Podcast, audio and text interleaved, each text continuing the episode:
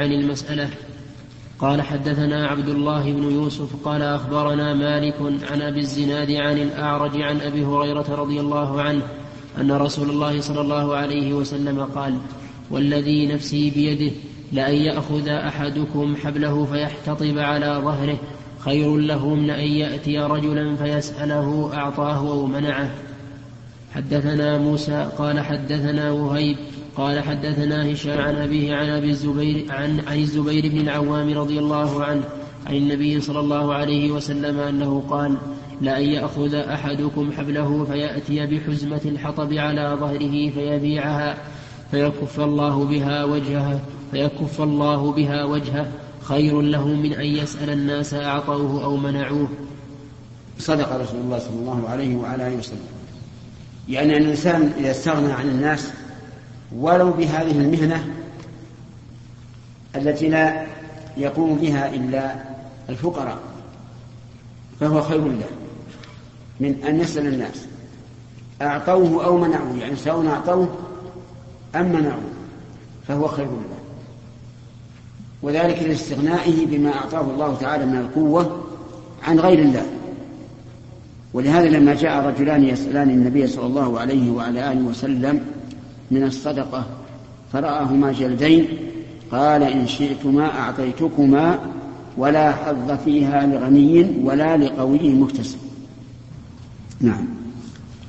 حدثنا عبدان قال أخبرنا عبد الله قال أخبرنا يونس عن الزهري عن عروة بن الزبير وسعيد بن المسيب أن, حك أن حكيم بن أن حكيم بن حزام رضي الله عنه قال: سألت رسول الله صلى الله عليه وسلم فأعطاني ثم سألته فأعطاني ثم سألته فأعطاني ثم قال يا حكيم إن هذا المال خضرة حلوة فمن أخذه بسخاوة نفس بورك له فيه ومن أخذه بإشراف نفس لم يبارك له فيه كالذي يأكل ولا يشبع. اليد العليا خير من اليد السفلى. قال حكيم فقلت يا رسول الله والذي بعثك بالحق لا أرزأ أحدا بعدك شيئا حتى أفارق الدنيا. فكان أبو بكر رضي الله عنه يدعو حكيما إلى العطاء فيأبى أن يقبله منه. ثم إن عمر رضي الله عنه دعاه ليعطيه فأبى أن يقبله من فأبى أن يقبل منه شيئا. فقال عمر إني أشهدكم يا معشر المسلمين على حكيم أني أعرض عليه حقه من هذا الفيء فيأبى أن, فيأبى أن يأخذه فلم يرزق حكيم أحدا من الناس بعد رسول الله صلى الله عليه وسلم حتى توفي. قول النبي صلى الله عليه وعلى آله وسلم إن هذا المال خضرة حلوة سبق الكلام عليه. لكن قوله فمن أخذه بسخاوة النفس بورك له فيه يدل على أن الإنسان لا ينبغي أن يكون شحيحا في طلب المال بل يكون طبيعيا. إن جاء المال بسهولة أخذه وإلا تركه. حكيم بن حزام رضي الله عنه لما رأى النبي صلى الله عليه وعلى آله وسلم قال له ذلك أقسم أن لا يرزع أحدا بعد الرسول صلى الله عليه وسلم شيئا يعني أن لا يسأله شيئا. ومع ذلك تعفف رضي الله عنه حتى إن الخلفاء يدعونه لأخذ, لأخذ نصيبه ولكنه يأبى. عمر رضي الله عنه أشهد الناس عليه إما يرجو أن يلين ويقبل وإما أنه رضي الله عنه من ورعه خاف أن يكون في نفسه شيء أي في نفس حكيم فيطالب بحقه يوم القيامة. فأشهد المسلمين على ذلك. حتى تبرأ ذمته تماما. باب من أعطاه الله شيئا من غير مسألة ولا إشراف نفس وفي أموالهم حق معلوم للسائل والمحروم. ما هي ما هي عندي بالحاشي يقول بدل باب من أعطاه الله باب وفي أموالهم حق للسائل والمحروم. سقطت للأكثر للأكثر سقطت؟ نعم. نعم طيب. حدثنا يحيى بن بكير قال حدثنا الليث عن يونس عن الزهري عن سالم أن عبد الله بن عمر رضي الله عنهما قال سمعت عمر يقول كان رسول الله صلى الله عليه وسلم يعطيني العطاء فأقول أعطه من هو أفقر إليه مني. فقال خذ إذا جاءك من هذا المال شيء وأنت غير مشرف ولا سائل فخذه. وما لا فلا تتبعه نفسك. غير يعني متطلع للشيء ولا سائل فخذه. وما لا فلا تتبعه نفسك. ولكن إذا قال قائل إذا أخبر الرجل المستحق المسؤول عن العطاء أخبره بحاله فقط دون أن يسأل. فهل يعتبر هذا من المسألة؟ فالجواب لا. لا من المسألة وذلك لأن القائم على العطاء لا يمكن أن يعلم بكل أحد. لكن هل هو من الاستشراف؟ نعم هو من الاستشراف لكن لحاجة وهو أهل لهذا. هل يقال في هذا الحديث إن إنه ينهى الإنسان عن طلب الترقية لأنها لا تأتي إلا أحيانا تأتي بغير سؤال لكن إذا كان لا تأتي إلا بسؤال هل ينهى عنه؟ مع عدم حاجته لها الظاهر أنه ينهى عنه لأنه داخل الحديث فيقال اترك الطلب إن قدر أن أن المسؤولين يرقونك لأنك مستحق فافعلت فخذ وإلا فلا تكن هذا لا شك أنه هو الورع. والبعد عن إرادة الدنيا لا سيما إذا كان الإنسان يشغل منصبا منصبا ديني دينيا نعم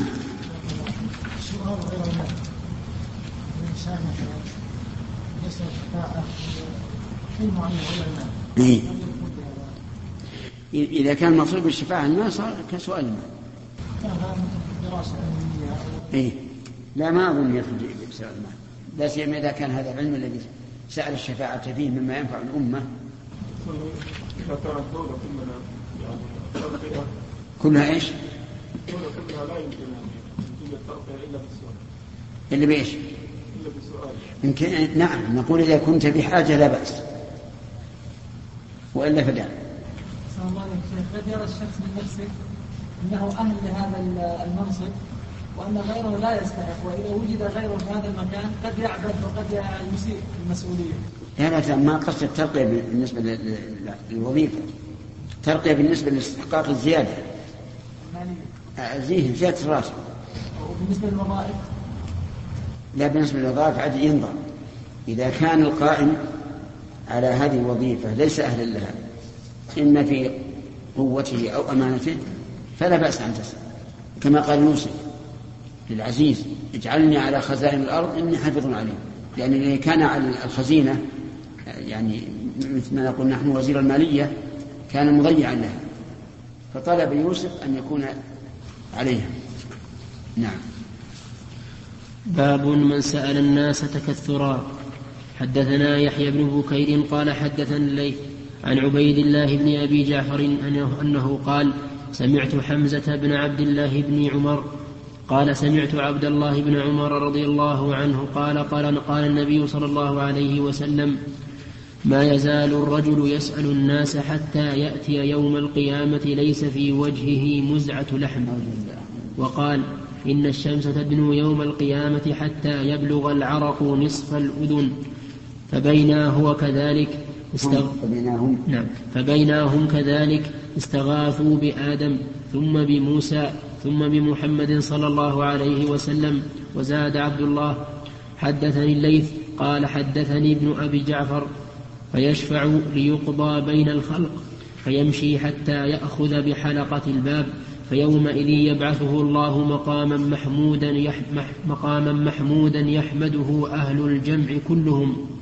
وقال معلى حدثنا وهيب عن النعمان بن راشد عن عبد الله بن مسلم أخي الزهري عن حمزة أنه سمع ابن عمر رضي الله عنهما عن النبي صلى الله عليه وسلم في المسألة. الشاهد من هذا قوله ما يزال الرجل يسأل الناس حتى يأتي يوم القيامة ليس في وجهه مزعة لحم والعياذ بالله. ما عليه العظام. لأنه كما أذل نفس وجهه في الدنيا عوقب بمثل ذلك. نزع اللحم. الذي به جمال الوجه واستنارة الوجه وبهاء الوجه نزع منه والعياذ بالله. ولهذا عند العوام يسمون السؤال إيش؟ نعم دفق ماء الوجه. فيرون أن هذا اذلال للوجه. وفي أيضا حديث آخر غير الأول وهو إن الشمس تدنو يوم القيامة حتى يبلغ العرق نصف الأم فبينهما كذلك استغاثوا إلى اخره فيه فيه اختصار في هذا الحديث.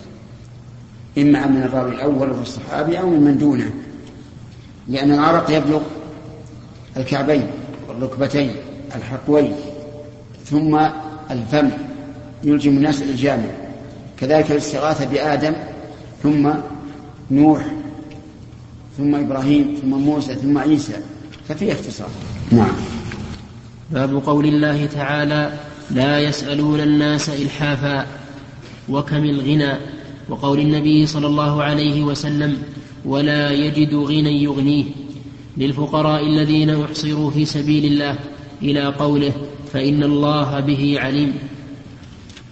حدثنا حجاج بن منهال قال حدثنا شعبة قال أخبرني محمد بن زياد قال سمعت أبا هريرة رضي الله عنه عن النبي صلى الله عليه وسلم أنه قال ليس المسكين الذي ترده الأكلة والأكلتان ولكن المسكين الذي ليس له غنى ليس له غنى ويست ليس له غنى ويستحيي أو لا يسأل الناس إلحافا. قوله صلى الله عليه وسلم ليس المسكين الذي ترده الأكل والأكلتان. يعني ليس المسكين الذي يسأل عند الأبواب ويعطى ما يسد رمقه بأكلة أو أكلتين لكن المسكين حقيقة هو, اللي هو الذي يتعفف ولا يعلم عنه. لا يسأل ولا ولا يعلم عنه. فهذا هو المسكين حقيقة. الأول وإن كان مسكينا لكنه ليس المسكين حقيقة بل هذا هو المسكين حقيقة. والمقصود بذلك الحث على تفقد أحوال الناس. وأن لا يبقى الإنسان يقول إن جاءني أحد أعطيته وإلا لست ملزوما. بل يقال هناك أناس متعففون لا يعلم عنهم ولا يسألون. فينبغي لمن كان مسؤولا عن العطاء أن يبحث عن أحوال الناس عن مثل هؤلاء المتعففين. وفيه لا يسأل الناس إلحافا أي سؤال إلحاف. يعني آه، إلحاح في المسألة. نعم. حدثنا يعقوب بن حدثنا يعقوب بن إبراهيم قال حدثنا إسماعيل بن علية قال حدثنا خالد الحذاء عن ابن أشوع عن الشعبي عن الشعبي قال حدثني كاتب المغيرة كاتب المغيرة بن شعبة قال كتب معاوية إلى المغيرة بن شعبة أن اكتب إلي بشيء سمعته من النبي صلى الله عليه وسلم فكتب إليه سمعت النبي صلى الله عليه وسلم يقول إن الله كره لكم ثلاثا قيل وقال وإضاعة المال وكثرة السؤال. الشاهد الجملة الأخيرة نعم الكلمة الأخيرة كثرة السؤال. وقد سبق الكلام هذا الحديث. نعم. حدثنا محمد حدثنا محمد بن غرير الزهري قال حدثنا يعقوب بن إبراهيم عن أبيه عن صالح بن كيسان عن ابن شهاب أنه قال أخبرني عامر بن سعد عن أبيه أنه قال أعطى رسول الله صلى الله عليه وسلم رهطا وأنا جالس فيهم. قال فترك رسول الله صلى الله عليه وسلم منهم رجلا لم يعطه وهو أعجبهم إلي. فقمت إلى رسول الله صلى الله عليه وسلم فساررته فقلت ما لك عن فلان؟ والله إني لا أراه مؤمنا. قال أو مسلما قال فسكت قليلا ثم غلبني ما أعلم فيه فقلت يا رسول الله ما لك عن فلان والله إني لأراه مؤمنا قال أو مسلما قال فسكت قليلا ثم غلبني ما أعلم فيه فقلت يا رسول الله ما لك عن فلان والله إني لأراه مؤمنا قال أو مسلما إني لأعطي الرجل وغيره أحب إلي منه خشية أن يكب في النار على وجهه. وعن أبيه عن صالح عن إسماعيل بن محمد أنه قال سمعت أبي يحدث, يحدث بهذا فقال في حديثه فضرب رسول الله صلى الله عليه وسلم بيده فجمع بين عنقي وكتفي ثم قال نعم. أقبل أي سعد. أقبل أي سعد إني لأعطي الرجل. قال أبو عبد الله فكبكبوا. قلبوا مكبا أكب الرجل إذا كان فعله إذا كان فعله غير واقع على أحد فإذا وقع الفعل قلت كبه الله لوجهه وكببته أنا. هذا الحديث فيه, فيه فوائد وهو منها جواز إعطاء الناس مجتمعين وأنه لا يعد ذلك إذلالا ما دام العطاء للجميع. ومن فوائده أيضا أن نعم فضيلة من قبل سعد بن أبي وقاص رضي الله عنه حيث إنه شفع لهذا الرجل الذي لم يعطه النبي صلى الله عليه وسلم من العطاء.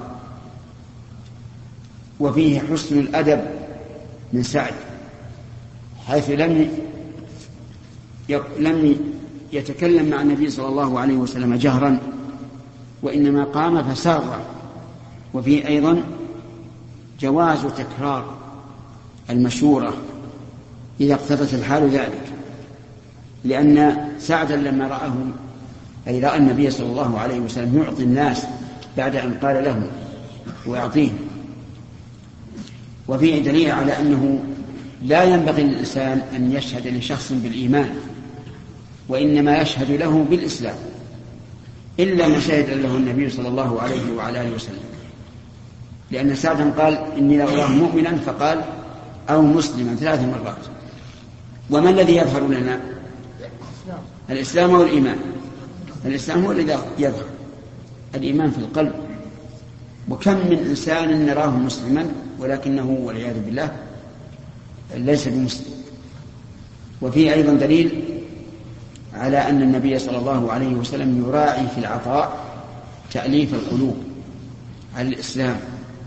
والتزام المعطى به. لقوله صلى الله عليه وعلى آله وسلم إني لأعطي الرجل وغيره أحب إلي إلي منه خشية أن يكب في النار على وجهه. ومتى يكب؟ إذا ارتد عن الإسلام. فالنبي صلى الله عليه وعلى آله وسلم يعطي للتأليف على الإسلام. وفيه أيضا دليل على أنه ينبغي الإنسان إذا رأى من شخص إعراضا أو فسوقا وغلب على ظنه أن إعطاءه المال يوجب له الاستقامة فإنه ينبغي أن يعطيه ويحتسب بذلك الأجر لأننا إذا كنا نعطي الفقير لإقامة بدنه وغذاء بدنه فإعطاء عاصم ليش؟ لإقامة دينه وغذاء روحه أولى وفيه أيضا من فوائده أن النبي صلى الله عليه وسلم كان يحب بعض أصحابه أكثر من بعض. لقوله وغيره أحب إلي منه. وهذا شيء لا أحب إلي منه. وهذا شيء طبيعي. ليس الناس عند الإنسان سواء. وإن كان يحب الجميل لكن تختلف المحبة. وفيه دليل على جواز ضرب المعلم من يريد أن يعلمه. من أجل أن ينتبه. لكن يقول جمع بين عنقي وكتفي معناه أنه ضربه على نعم على الكتف والعنق. ولكن هل نقول إن هذا مضطرد حتى في وقت الحاضر؟ نعم. أو نقول كل مقام له مقال هذا هو هو الواقع. لأنك لو لو ضربت أحد لم يعتد مثل هذا الشيء لكان بينك وبينه خصومة. لا سيما إن ضربته بقوة وكانت يدك كبيرة وكان نحيفا. نعم. فيا وله من يد. لكن أحيانا الإنسان قد يضرب ما هو على هذا هذا المحل يضرب على العضد. الضرب على العضد أهون. وفيه انتباه يعني فيه تنبيه. فإذا علم الإنسان أن صاحبه لن يعبأ بهذا العمل ولن يكون في خطره شيء وضربه لينبهه أو ليسكته أيضا فلا بأس. من السائل؟ نعم. نعم.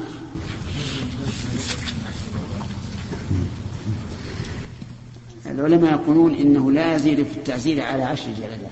لقول النبي صلى الله عليه وسلم لا يوجد أحد فوق عشرة أسوار إلا في حد من حدود الله. والمسألة فيها خلاف والصواب أنه إذا لم يتأدب إلا بما زاد يزاد ولا حرج. لكن في حلقات القرآن ينبغي الإنسان يترفق بهم لأن الحلقات كما تعلمون ليست يعني آه، من قبل الدولة ينبغي أن الإنسان يراعيهم مراعاة تامة. نعم. إذا مات الشخص عن أثر إصابة أصابته عن إيش؟ عن أثر إصابة إيه؟ نعم. هل يعتبر شهيد؟ اي نعم يعتبر شهيد لكنه بالنسبة إذا تأخر موته فإنه يجب أن يغسل ويكفن ويصلى عليه إذا لم يمت في مكان المعركة من مثله لا يعمل لا يعمل يعني نعم من لا يعمل العمل مثله العامل ولم يجد يعني مكان يترزق منه فهل يجب على عصبته ان عليه؟ يعني يقول إذا كان قادرا على التكسب لكنه قادر على تكسب لا لا يمارسه مثله. الظاهر إنه ما يلزم ما يلزم لأن الرسول عليه الصلاة والسلام كما سمعت يقول لأن يأخذ أحدكم حبله ويحتطب. نقول لهذا الرجل إذا كان حولك حطب اطلع. اطلع احطبه. فإن قال ما في حطب الآن ولا أحد يستعمل الحطب. والحمد لله حمل إجباب الغاز. وخذ اجره كيف؟ إيش يسوى؟ يزدرى. ابدا يزدرى عند الجهال. أما عند العقلاء فيقال هذا رجل أراد التعفف وعنه. نعم. بارك الله فيكم قول النبي صلى الله عليه وسلم اللهم صل وسلم اي سعد ها؟ اقبل اي سعد إي نعم. قوله أي. هل هذه للتنبيه؟ لا هذه أي حرف نداء. إي نعم لأن حروف النداء ياء وأي وواء وآ وأيا وهيا. تأتينا تأتينا إن شاء الله بالألفية نعم. إذا. إذا. نعم. إن شاء الله تعالى من الشهداء نعم. أقول من الشهداء إذا كان في المعركة. قتل نفسه خطأ نعم.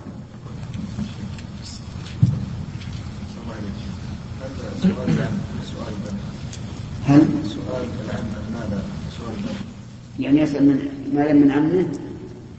لا ليس لا إذا إذا عرض عليه ما في هذا طيب. هذا من قد يقال له مسألة الرحمة لأنه إذا عرض إذا عرض عليك ورآك محتاجا ولم, ولم تأتي إليه سوف يكون في قلبه شيء. نعم. إذا كان الرجل يعلم أنه إذا زار رجلا سيعطيه مال. لا لا يمتنع يزوره وإذا أعطاه إن شاء قبل وإن شاء لم يقبل لا لا. ما انت وهو راح راح يزور علشان فلوس ولا إيش؟ كلما تقرب يعطيه أي لا لا لا وإلا لقلنا لا تزور احدا معروفا بالكرم.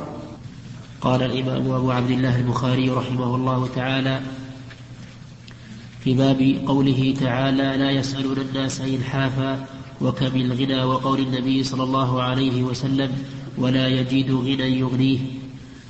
قال حدثنا إسماعيل بن عبد الله قال حدثنا مالك عن أبي الزناد عن, عن الأعرج عن أبي هريرة رضي الله عنه أن رسول الله صلى الله عليه وسلم قال ليس المسكين الذي يطوف على الناس نعم.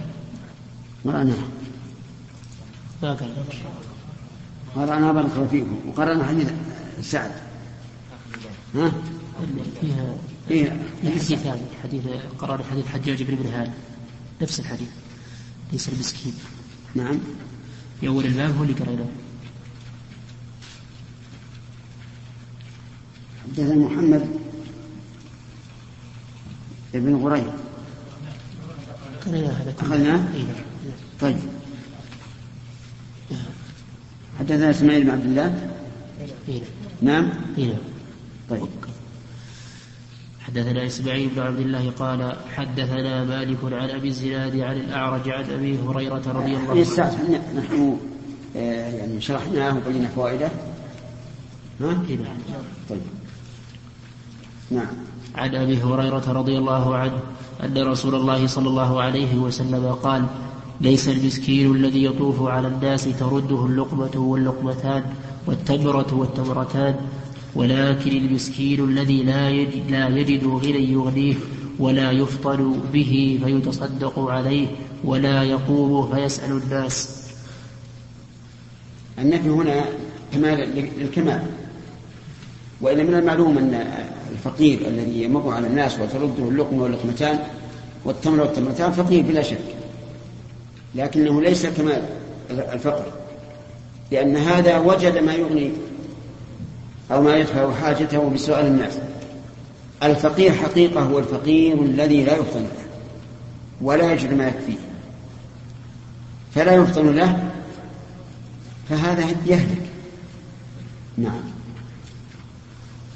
حدثنا عمر بن حفص بن غياث قال حدثنا أبي قال حدثنا الأعمش قال حدثنا أبو صالح عن أبي هريرة عن النبي صلى الله عليه وسلم أنه قال لأن يأخذ أحدكم حبله ثم يغدو أحسبه قال إلى إلى الجبل فيحتطب فيبيع فيأكل في فيحتطب فيحتطب فيبيع فيأكل ويتصدق خير له من أن يسأل الناس. خير له من أن يسأل الناس. قال أبو عبد الله صالح بن كيسان أكبر من الزهري وهو قد أدرك ابن عمر. هذا سبق. باب خرص التمر. حدثنا سهل بن بكار قال حدثنا وهيب عن عمرو بن يحيى عن عباس الساعدي عن أبي حميد الساعدي أنه قال غزونا مع النبي صلى الله عليه وسلم غزوة تبوك. فلما جاء فلما جاء وادي القرى إذا امرأة في حديقة في حديقة لها فقال النبي صلى الله عليه وسلم لأصحابه اخرسوا وخرس رسول, وخرس رسول الله صلى الله عليه وسلم عشرة أوسق. فقال لها أحصي ما يخرج منها. فلما أتينا تبوك قال أما إنها ستهب. قال أما إنها ستهب الليلة ريح شديدة فلا يقومن أحد ومن كان معه بعير فليعقله. فعقلناها وهبت ريح شديدة فقام رجل فألقته بجبل طيء. وأهدى ملك أيلة للنبي صلى الله عليه وسلم بغلة بيضاء وكساه بردا وكتب له ببحرهم. فلما أتى وادي القرى قال للمرأة كم جاء كم جاء حديقتك؟ قالت عشرة أوسق خرص رسول الله صلى الله عليه وسلم. فقال النبي صلى الله عليه وسلم إني متعجل إلى المدينة فمن أراد منكم أن يتعجل معي فليتعجل. فلما قال ابن بكار كلمة معناها أشرف على المدينة قال هذه طابة. فلما رأى أحدا قال هذا جبيل يحبنا ونحبه. ألا أخبركم بخير دور الأنصار؟ قالوا بلى. قال دور بني النجار ثم دور بني عبد الأشهل ثم دور بني ساعدة أو دور بني الحارث بن الخزرج. وفي كل وفي كل دور الأنصار يعني خيرا. وقال سليمان بن بلال حدثني عمرو ثم دار بني عبد ثم دار بني الحارث ثم ثم بني ساعدة. وقال سليمان عن سعد بن سعيد عن عمارة بن غزية عن عباس عن أبيه عن النبي صلى الله عليه وسلم أنه قال أحد جبل يحبنا ونحبه. قال أبو عبد الله كل كل بستان كل بستان عليه حائط فهو حديقة وما لم يكن عليه حائط لم يقل حديقة. هذا الحديث فيه فوائد كثيرة منها أن جواز تملك النساء للحدائق كالرجال فالمرأة لها أن تكون حارثة زارعة آه، ذات حديقة ولا يعاب عليها هذا. ومنها جواز خرص الثمار لأن النبي صلى الله عليه وعلى آله وسلم خرص عشرة أوسق وعشرة أوسق كم من نصاب؟ نصابان. لقول النبي صلى الله عليه وعلى آله وسلم ليس فيما دون خمسة أوسق صدقة وفيه دليل على أنه لا حرج على الإنسان أن يعرف هل وافق الصواب أو لم يوافقه بدليل قول النبي صلى الله عليه وعلى آله وسلم لهذه المرأة أحصي ما يخرج منها. ولما رجع سأله فإذا عمل الإنسان عملا وأراد أن يتحقق من إصابته فلا حرج كما فعل النبي صلى الله عليه وعلى آله وسلم. وهل في قوله أحصي إشكال؟ لا لأنه فعل أمر والياء موجودة. لماذا؟ شراه لأن هذه ضمير يا المخاطب.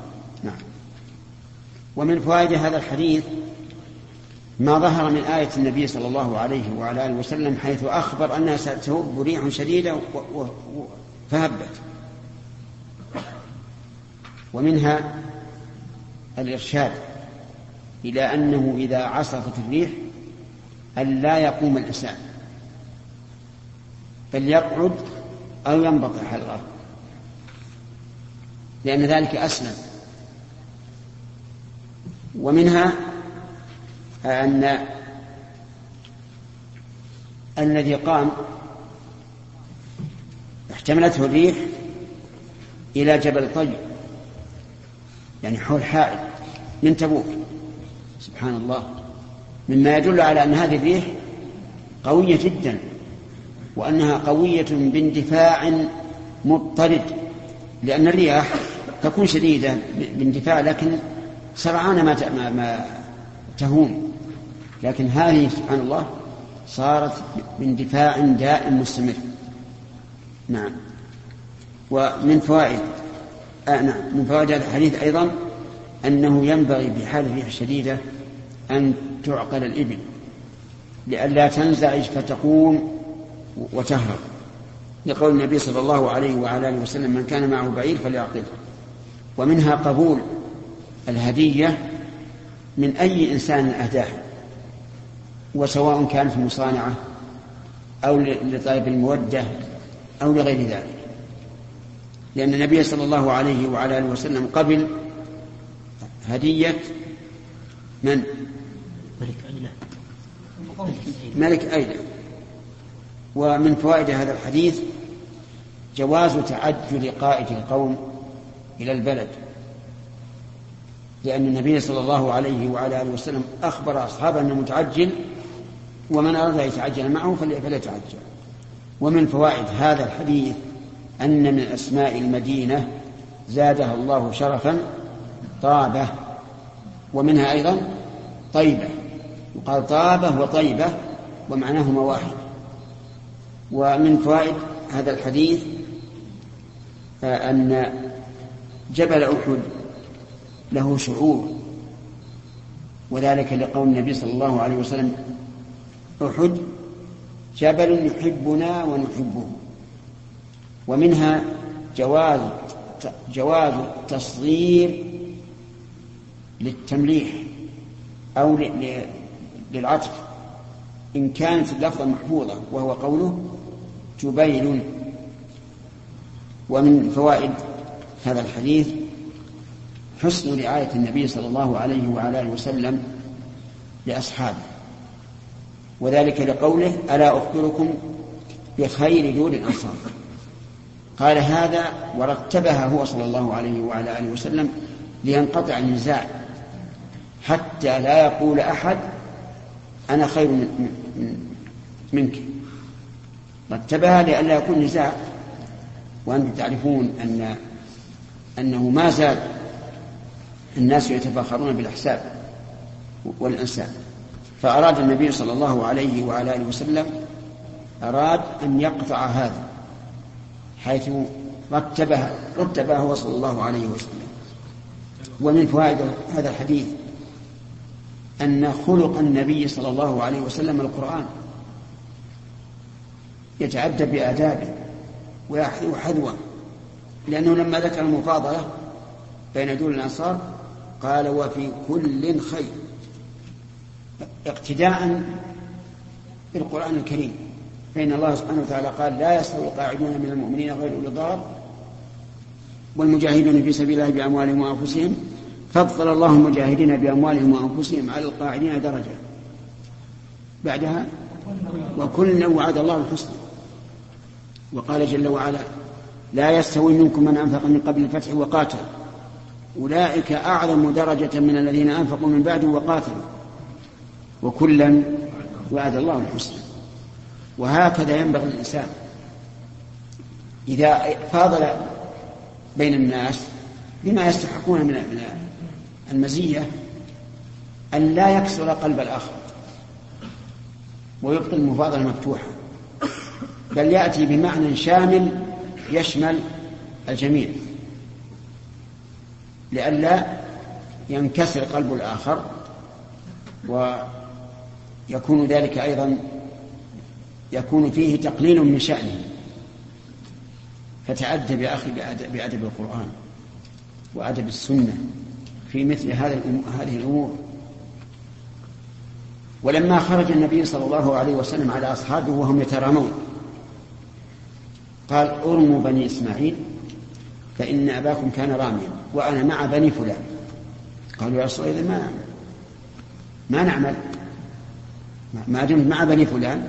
ما أحد لا أحد يغالبك. قال أرموا وأنا معكم كلكم. صلى الله عليه وسلم. فمثل هذه الأمور ينبغي للإنسان أن يلاحظها وأن يعرف أن النفوس قد تحمل الشيء على غير محمله لأن هناك شيطانا يؤسها ويحركها. فلاحظ هذه الأمور. فإن في ذلك خير خيرا كثيرا. نعم. وفي هذا الرد على أولئك القوم الذين أنكروا أن يكون الله تعالى أن, أن يكون من صفات الله المحبة منه أو له. وعللوا بأن المحبة لا تكون إلا بين بين متناسبين. فيقال هذا أحد جماد يحبنا ونحبه. وفيه أيضا رد لقول من قال إن قوله تعالى فوجد فيها جدارا يريد أن ينقض فأقامه. قالوا لا إرادة للجدار. فنحن نقول كيف لا إرادة الجدار له إرادة لكن إرادة كل شيء بحسبه. فإذا وجدنا الجدار مائلا عرفنا أنه يريد السقوط. وأي مانع من هذا؟ أليس الله تعالى قال تسبح له السماوات السبع والأرض؟ نعم. تسبح له السماوات السبع والأرض ومن فيهن. ولكن لا لا تفقهون تسبيحهم. وإن من شيء إلا يسبح بحمده ولكن لا تفقهون تسبيحهم. وهل تسبح السماوات والأرض إلا بإرادة؟ عجيب. لا يمكن إلا بإرادة. ولم ير عمر بن عبد العزيز في العسل شيئا.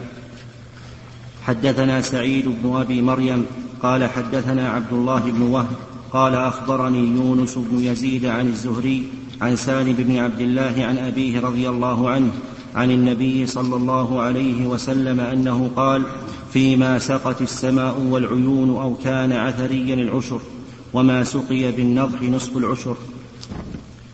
قال أبو عبد الله هذا تفسير الأول لأنه لم يوقت في الأول يعني حديث ابن عمر فيما سقت السماء العشر وبين في هذا ووقت والزيادة مقبولة والمفسر يقضي على المبهم. إذا رواه أهل الثبت كما روى الفضل بن عبد كما روى أهل الثبت. نعم. إذا رواه أهل الثبت كما روى الفضل بن عباس أن النبي صلى الله عليه وسلم لم يصل في الكعبة وقال بلال قد صلى. فأخذ بقول بلال وترك, وترك قول الفضل. نعم.